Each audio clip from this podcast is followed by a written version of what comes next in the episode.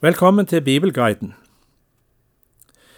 I gjennomlesningen av Jesaja-boka i Det gamle testamentet er vi nå kommet fram til kapittel 28. Her starter vi på en ny hoveddel av Skriftet, som er en samling profetier om Juda og Jerusalem. Vi er ved slutten av kong Hesekias' regjeringstid da det var planer om et opprør mot asyrerne og kong Sankerib. Juda var blitt en vasallstat, og folket i Jerusalem ville bli kvitt åket asyrerne hadde lagt på dem, og ville gå i allianse med Egypt for å få hjelp og støtte. Det er disse opprørsplanene Jesaja advarer mot, for han så at det ikke var i tillit til Gud at de ville gå til opprør. Folkets planer om frihet er bare en flukt bort fra omvendelse og oppgjør med Gud. Jesaja roper sitt ved over både Efraim, altså Nordriket, og Juda og Jerusalem, og til sist over Assur, i starten av kapittel 33. Det kommer vi tilbake til. Grunntanken som møter oss i denne hoveddelen, finner vi i vers 16 i det kapittelet vi nå skal lese. Den som tror, har ingen hast. Her møter vi bildet av Efraim som en visna blomsterkrans på hodet til fulle menn. Et talende bilde på forfall i samfunnet. Samaria og Nordriket skal bli ramma av haglskurer og vannflommer. Det er en beskrivelse av asyrerhæren som Gud sender over de som straff. Vi leser Jesaja kapittel 28 vers 1-6. Ved den prektige kransen, Efraims herlige hodepryd, en visnende blomst. Efraims fruktbare landskap krones av fulle menn, utslått av vin. Se, Herren har en som er sterk og mektig som en haglskur og en herjende storm, som en kraftig regnskur med vann som flommer. Med hånden slår han den prektige kransen til jorden. Efraims fulle menn skal tråkkes under fot. Den visnende blomsten, hans herlige hodepryd, på toppen av den fruktbare dalsiden, skal bli som en forsommerfiken. Så fort noen ser den, og får den i hånden, sluker han den. Den dagen skal Herren over hærskarene bli en fager krans og en strålende krone for den rest som er igjen av hans folk. Han skal gi rettens ånd til den som sitter til doms, og styrke til dem som slår angrep tilbake fra porten.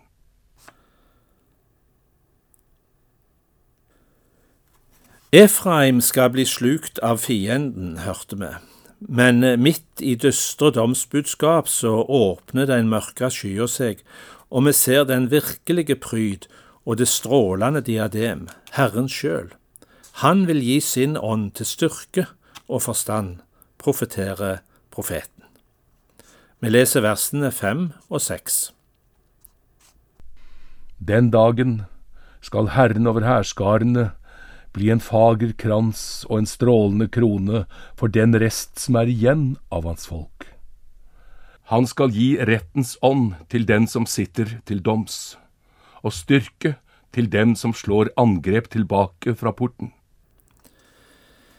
I avsnittet som følger her, versene 7 til 13, så vender profeten seg mot Juda og Jerusalem. Det litt det er ille i Nordriket, men òg i Sørriket viser frafallet og forfallet seg. Prester og profeter er fortumla av vin. Dette må forstås både i bokstavelig og overført betydning. Det profeten beskriver, har han sannsynligvis sett og opplevd, og han bruker så dette til å si noe om den åndelige tilstanden i folket. De er på ingen måte stødige i sin tro. Fra vers 9 så siterer Jesaja disse prester og profeters tale. De mener Jesaja ord er bare babbel og tull, og at de ikke lar seg forstå. Ordregelen som vi møter, den er muligens ei barneregle som ble brukt til å lære alfabetet. Herrens ord ved profeten blir de ikke til frelse, for de vil uansett ikke lytte til budskapet. Vi leser Jesaja 28 vers 7-13, domsord over prester og profeter. Også disse, sjangler av vin, raver av sterk drikk, prest og profet, sjangler av drikk, er fortumlet av vin, raver av drikk, sjangler når de har syn, vakler når de drømmer. For alle bord er fulle av spy og skitt, ikke en ren flekk. Hvem vil han gi kunnskap? Hvem vil han forklare sitt budskap? De som er avvent fra melk som er tatt fra brystet. Sav Lasav, Sav Lasav. Kav Lakav, Kav Lakav, litt her, litt der. For med stammende lepper og på fremmed tungemål skal han tale til dette folket. Han som sa til dem, Her er hvilen, la den trette få hvile, her er ro. Men de ville ikke høre. Så skal Herrens ord til dem bli, Sav Lasav Sav Lasav. Kav Lakav. Kav Lakav. Litt her, litt der. Så de skal snuble når de går, falle bakover og skamslå seg, gå i snaren og bli fanget.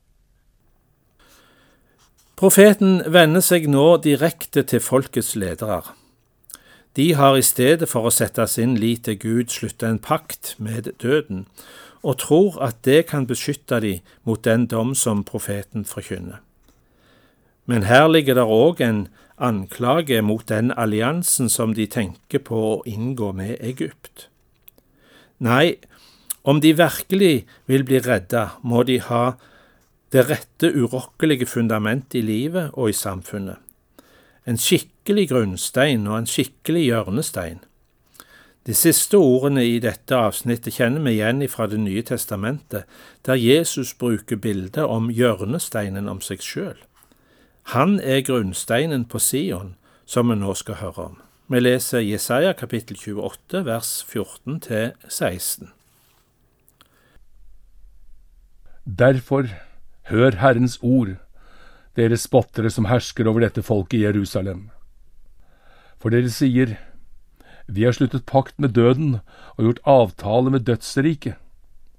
Når flommen kommer strømmende, skal den ikke nå oss, for vi har gjort løgn til vårt ly og gjemt oss bak svik. Derfor, så sier Herren Gud, se, jeg legger en grunnstein på Sion, en stein som er utprøvd, en kostbar hjørnestein, et sikkert fundament. Den som tror, har ingen hast. Forbundet landets ledere har gjort med døden og Egypt, vil ikke hjelpe de når ødeleggelsen kommer, kan vi nå lese. De har gjort løgn til sitt ly og gjemt seg bak svik, leste vi i vers 15. Senga er for kort og teppet for lite, er et uttrykk for at hjelpa som Egypt vil kunne gi, ikke er tilstrekkelig. For Herren er fast bestemt på å gjennomføre sitt verk, og profeten understreker igjen at dette er et budskap han har fått ifra Gud. Vi leser versene 17 til 22. Jeg vil gjøre rett til målesnor, rettferdighet til vektlodd. Hagl skal feie bort løgnens ly. Vann skal oversvømme gjemmestedet. Pakten med døden skal oppheves. Avtalen med dødsriket skal ikke stå ved lag. Når flommen kommer strømmende, skal dere tråkkes ned. Hver gang den kommer, skal den ta dere. For den kommer, morgen etter morgen, dag og natt. Den som forstår budskapet, må skjelve. Sengen er for kort til å strekke seg i, og teppet for lite til å dekke seg med. For Herren skal reise seg som på Perasimfjellet og rase som i dalen ved Gibeon. Han skal gjøre sin gjerning, en underlig gjerning. Han skal utføre sitt verk, et fremmed verk. Og nå, hold opp med å spotte, så lenkene ikke blir strammet. For fra Herren hærskarenes Gud har jeg hørt at utslettelse er bestemt for hele jorden. Så skal vi nå lese de siste versene i kapittel 28, og det kan sammenfattes i dette. Alt Gud gjør, er ifølge sin guddommelige plan. Slik som bonden jobber i pakt med naturen og de forskjellige årstidene, slik han sår og høster, slik sår og høster Gud sin åker, og tresker slik det er bestemt. Vi merker òg her linjer til Det nye testamentet og til Jesu lignelse om såmannen, som vi blant annet finner i Lukas evangeliet kapittel 8. Vi hører til sist Jesaja kapittel 28 vers 23 til 29. Vend øret til og hør på meg, lytt og hør hva jeg sier. Når bonden vil så, holder han da på hele tiden med å pløye, snu og harve sin jord?